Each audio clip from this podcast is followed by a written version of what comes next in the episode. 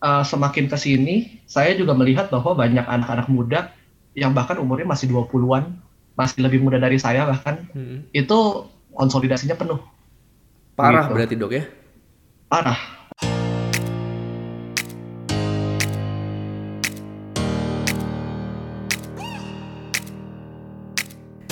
Hey halo pendengar, selamat datang di podcast Opnama, obrolan awam seputar medis. Bersama saya Dr. Marco Vidor yang akan menjawab pertanyaan Anda seputar kesehatan dan mengajak Anda untuk melihat lebih dekat mana mitos dan mana fakta di dunia kedokteran.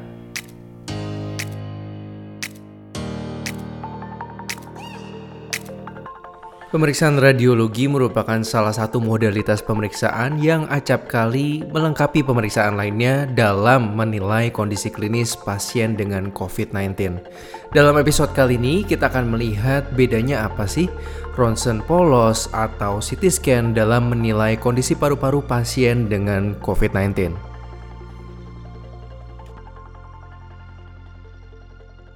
Telah hadir bersama saya malam ini seorang dokter yang sedang menjalani pendidikan dokter spesialis untuk bidang radiologi di salah satu rumah sakit pusat rujukan nasional yang ada di Indonesia.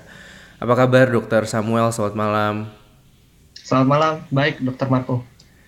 Keadaan hari ini sehat, baik dok? Sehat, untungnya sangat sehat, puji Tuhan. Iya, iya, puji Tuhan ya. Um, hari ini baru satu jam yang lalu, tanggal 8 Juli, saya lihat berita hari ini ternyata pecah rekor lagi, Sam, yaitu jumlah kasus penambahan COVID-19 di Indonesia 38 ribu.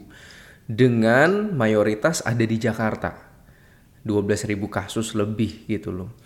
Uh, ini agak di luar ekspektasi orang mungkin ya karena memasuki hampir seminggu ppkm darurat tapi nyatanya masih seperti itu. Nah kalau dokter Samuel yang di lapangan boleh uh, cerita gimana sih dok di lapangan hari-hari ini?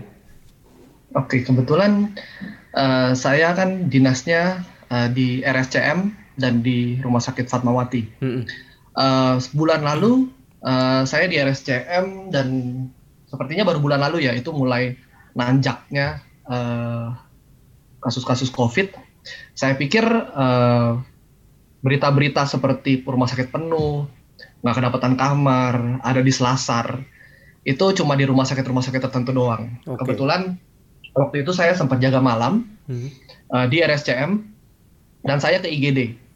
Nah tepat pintu masuk IGD uh, kebetulan dari belakang karena kita para nakes masuknya dari belakang itu seberangnya adalah ruang isolasi. Dan ternyata benar saya lihat pakai mata kepala saya sendiri itu pasien di selasar-selasar okay. ruang isolasi dan uh, benar-benar bahkan nggak pakai berangkar, dia pakai uh, kursi roda di infus. Karena karena berangkar atau tempat tidurnya nggak cukup lagi gitu ya dok ya? Benar. Ha -ha. Dan kalau misalnya pakai berangkar kan otomatis space-nya memakan lebih besar.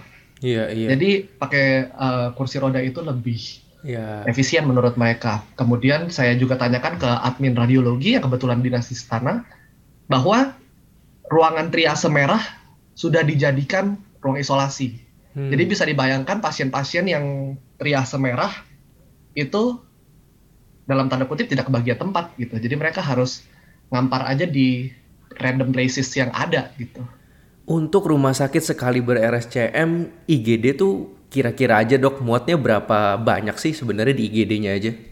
Kira-kira mungkin um, 100 atau lebih sih bisa sih. Oke, jadi mungkin kira-kira 100 gitu. Dengan kapasitas yang udah sebesar itu aja masih pasien terpaksa ngemper di selasar-selasar. Benar. Kemarin saya sempat lihat video yang didokumentasikan timnya narasi Mata Najwa itu kalau di RSUD Cengkareng mirip uh, Sam. Jadi dia pakai bangku plastik bahkan orang yaudah datang duduk dikasih oksigen duduknya di bangku plastik. Jadi aduh mungkin kursi roda masih nampak lebih baik ya kalau kita bandingkan dengan bangku plastik gitu dok. Ya, um, jadi benar-benar seperti itu di lapangan. Dan kalau dokter Samuel kerja di bagian radio, radiologi dok untuk kasih kita gambaran dalam satu hari berapa banyak foto yang harus dibaca gitu loh terkait COVID-19? di residen di radiologi RSCM kan kebetulan dibaginya menjadi stase-stase. Jadi ada yang stase toraks, ada yang stase CT scan. Hmm. Nah kebetulan saya tidak di stase toraks uh, dan saya sempat tanyakan kepada junior saya yang kebetulan lagi stase toraks berapa banyak sih kalau di jam kerja dari jam 7 sampai setengah 4 sore uh, foto toraks yang berkaitan dengan COVID. Hmm. Dia bilang itu sekitar 40 uh, untuk ruangan biasa, 5 sampai 10 untuk ruangan ICU yang terkait dengan COVID. Dan uh, sebagai gambaran aja, belum berapa lama saya jaga di Rumah Sakit Fatmawati uh, yang sekarang sudah dikhususkan menjadi rumah sakit COVID ya, sudah menolak untuk uh, penyakit Wah, yang lain. Iya, iya. Itu uh, jaga malam itu sekitar 40. Jadi mungkin hampir 100 foto toraks lah yang kita baca dalam satu hari 24 jam. Iya, iya, iya. Wow, ini mungkin pertama kali saya dengar langsung dari sejawat yang ada di rumah sakit sebesar itu dan ternyata ya kaget banget walaupun udah bisa punya ekspektasi ya keadaannya seperti itu gitu loh. Benar. Uh, Dokter Sam, jadi kalau kita bicara soal pasien COVID-19 dan foto ronsen gitu ya, di hari-hari ini nih khususnya, seberapa rutin sih sebenarnya apakah di sana di rumah sakit tempat dokter bekerja tiap pasien dengan COVID-19 tuh rata-rata selalu difoto atau keadaan apa yang biasanya dokternya minta difoto? Untuk screening COVID tentunya semua pasien akan dilakukan foto toraks begitu dia diketahui atau uh, dikonfirmasi positif COVID begitu. Hmm. Dulu memang uh, permintaan CT itu banyak sekali yeah. karena kita tahu dulu swab PCR itu belum uh, populer. Yeah. Jadi CT popularitasnya naik dulu, baru swab PCR. Nah, tapi sekarang begitu swab PCR sudah mulai banyak digunakan, permintaan CT itu perlahan-lahan menurun sih. Okay. Tapi untuk screening, untuk uh, melihat perbaikan, tentunya foto toraks itu terus berlanjut. Hmm, hmm, hmm, Seperti itu. Nah untuk pendengar supaya anda nggak bingung nih, jadi yang disebut dengan foto toraks tuh ronsen polos ya dok ya begitu ya? Benar. Nah, sementara yang lebih advance lagi ada yang namanya CT scan, di mana yang kita bisa lihat itu lebih banyak tentunya. Nah, tapi dok gini, maksudnya banyak juga literatur yang bilang, ah kalau ronsen polos doang yang kita biasa lihat ronsen hitam putih sekali uh, setiap hari seperti itu, katanya nggak terlalu kelihatan COVID-19-nya. Bener nggak tuh dok? Harus CT scan yang lebih jelas? Uh, betul. Kalau kita bicara mengenai kejelasan atau lebih mana yang lebih sensitif tentunya CT scan lebih sensitif hmm. tapi uh, perlu diketahui bahwa um, kalau misalnya kita kita bilang semua pasien kalau gitu perlu di CT scan dong hmm. ternyata tidak oh. karena American College of Radiology pun menolak uh, eh, CT scan untuk setiap pasien COVID hmm. kenapa karena kenyataannya dari penelitian uh, 10% pasien yang simptomatik itu CT scan-nya normal. Pasien yang asimptomatik itu 46% CT scan-nya normal. Wow. Jadi se sebagus-bagusnya CT scan sensitivitasnya tetap tidak terlalu tinggi.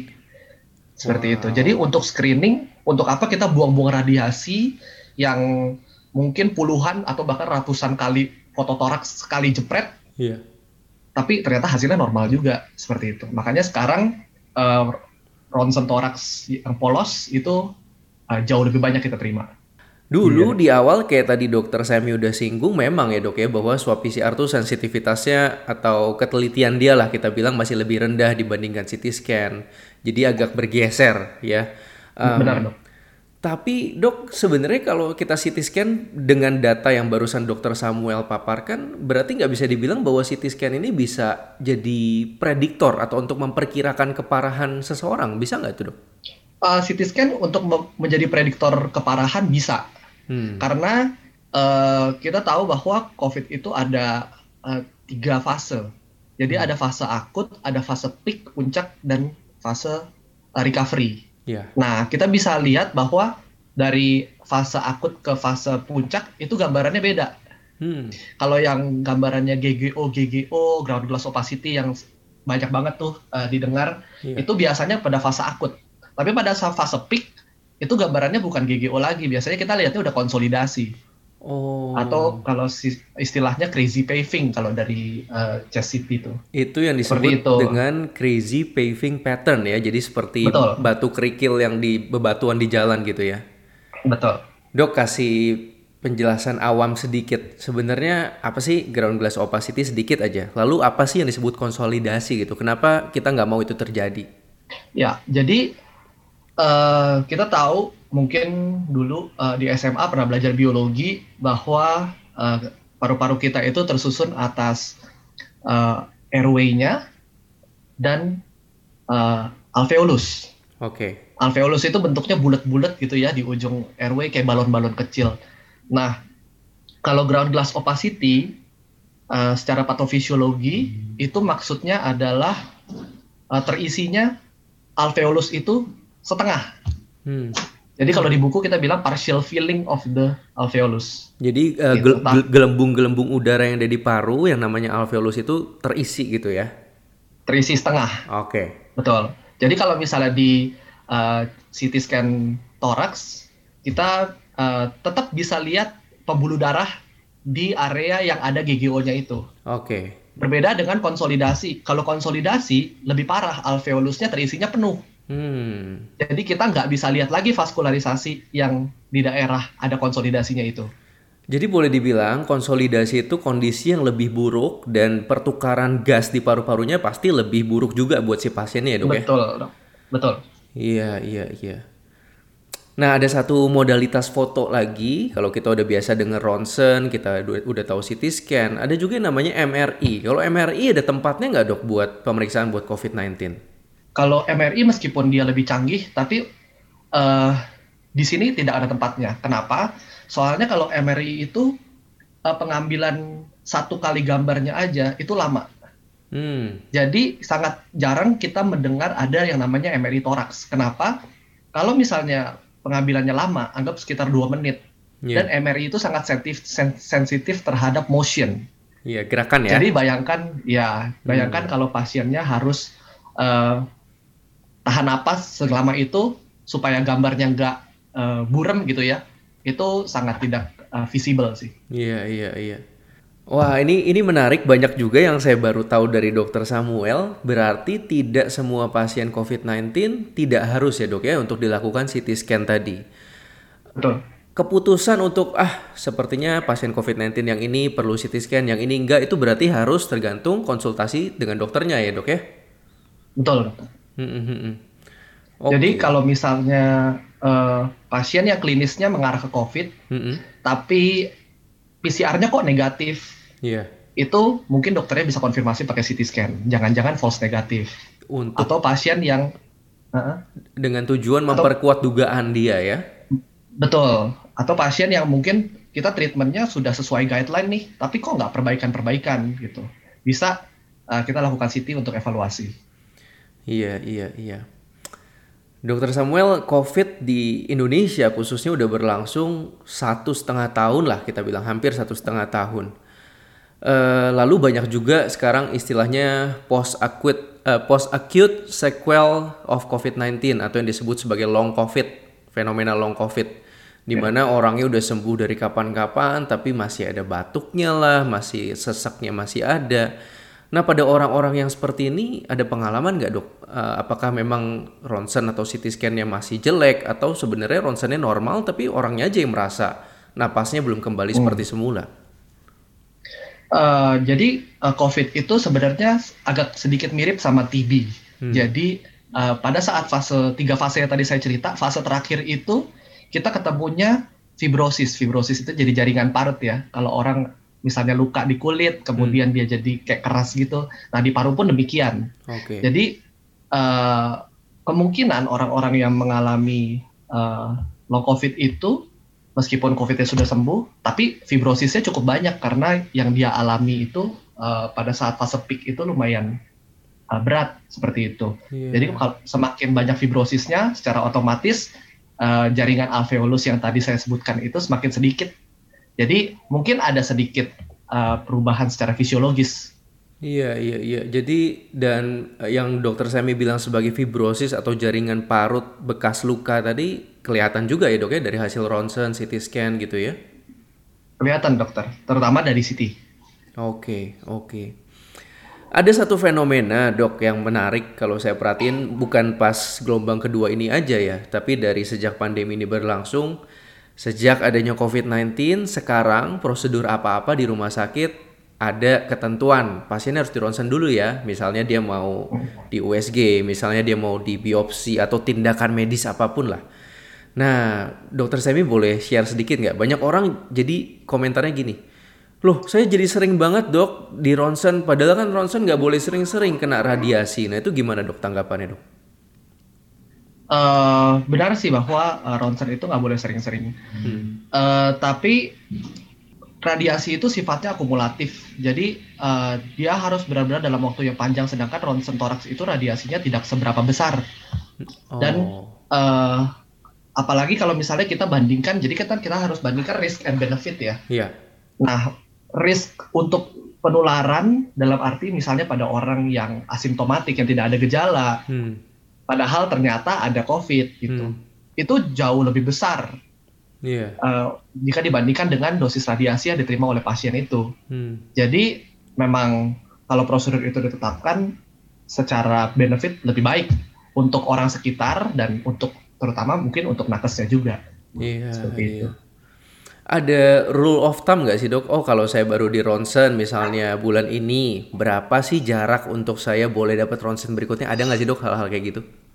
Oh tidak ada sih dok. Nggak ada Jadi, ya? Jadi karena itu sifatnya cuma akumulatif semata. Oke, okay, gitu. oke. Okay. Iya, iya. Tapi mungkin pasiennya boleh ada baiknya dia cerita ya. Oh, saya uh, tahun ini sudah seberapa sering di ronsen atau seberapa sering di CT scan gitu ya? Ya benar dok. Oke, oke. Dok sebagai dokter yang bekerja di bagian radiologi, um, salah satu yang dikerjakan antara lain yang namanya USG ya, ultrasonografi. Ya. USG itu kan harus dilakukan dalam jarak yang sangat dekat ya dok dengan pasiennya. Uh, ada protokol khusus untuk melakukan itu dok? Dulu waktu COVID awal-awal itu kita harus pakai APD level 3 hmm. atau bahkan level 2 uh, eh, atau atau level 2 yang lebih rendah. Tapi uh, sekarang sih sudah justru malahan uh, entah mengapa uh, dikurangi gitu. Jadi kadang-kadang pakai gaun saja seperti itu. Yeah. Iya. Uh, tapi memang memang ternyata benar bahwa kebetulan di bulan ini uh, residen-residen radiologi yang terkena COVID adalah mereka yang di stase USG. Oh, karena close contact dengan pasien. Betul. Nah, artinya bahwa kemungkinan ada pasien-pasien yang dalam tanda kutip lolos saring Iya. Yeah. Seperti itu. Hmm, hmm, Sebenarnya fenomena lolos saring tuh di mana-mana ya dok ya. Kadang-kadang ada rumah sakit yang protokolnya udah ketat banget nih sebelum dirawat inap harus diswab. Eh ternyata beberapa hari kemudian ternyata dia covid juga dan udah keburu tercampur dengan pasien lainnya.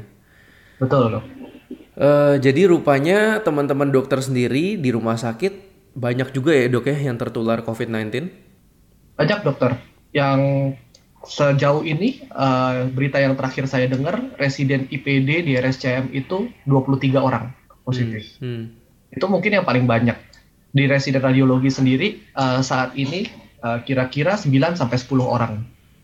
Jadi kira-kira 10% lah dari jumlah residen radiologi yang ada. Iya. Kalau dokter lihat fenomena ini apakah dok kalau misalnya hal-hal ini terus berlangsung tinggi tinggi tinggi ke depannya kita bisa tumbang nggak sih dok kekurangan dokter dan perawat gitu mungkin nggak menurut dokter? Menurut saya sangat mungkin hmm. karena uh, kita tahu bahwa COVID itu seperti dengan penularan, penularan yang sangat tinggi seperti ini, COVID itu jadi seperti pohon ya. Hmm, hmm. Jadi satu nularin dua, dua nularin empat dan seterusnya.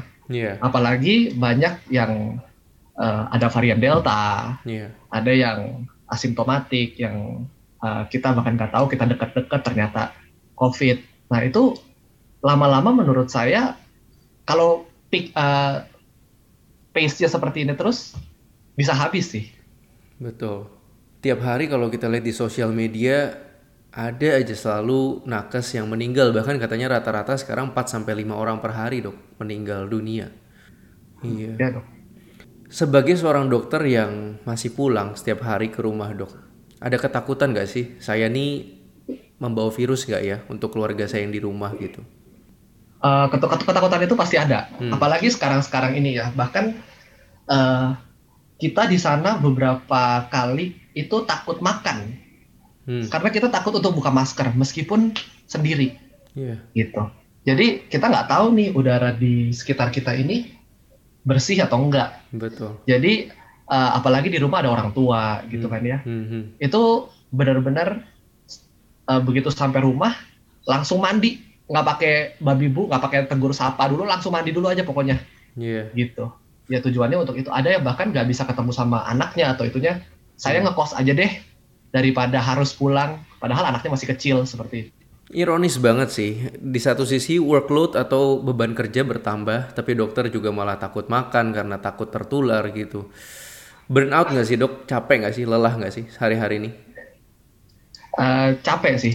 Hmm. Capek lebih mungkin lebih ke parnonya ya. Hmm. Bahwa saya percaya bahwa bukan cuma nakes kita semua di Indonesia pasti pengen uh, kehidupannya kayak dulu lagi yang di mana COVID belum ada gitu kan. Betul. Uh, jadi kalau capek itu lebih capek secara mental sih. Kalau mungkin capek secara fisik itu lebih dirasakan sama dokter-dokter yang memang turun langsung pegang uh, pasien COVID seperti IPD, anak dan sebagainya. Hmm. Tapi uh, secara mental lumayan exhausting sih. Iya yeah, iya. Yeah.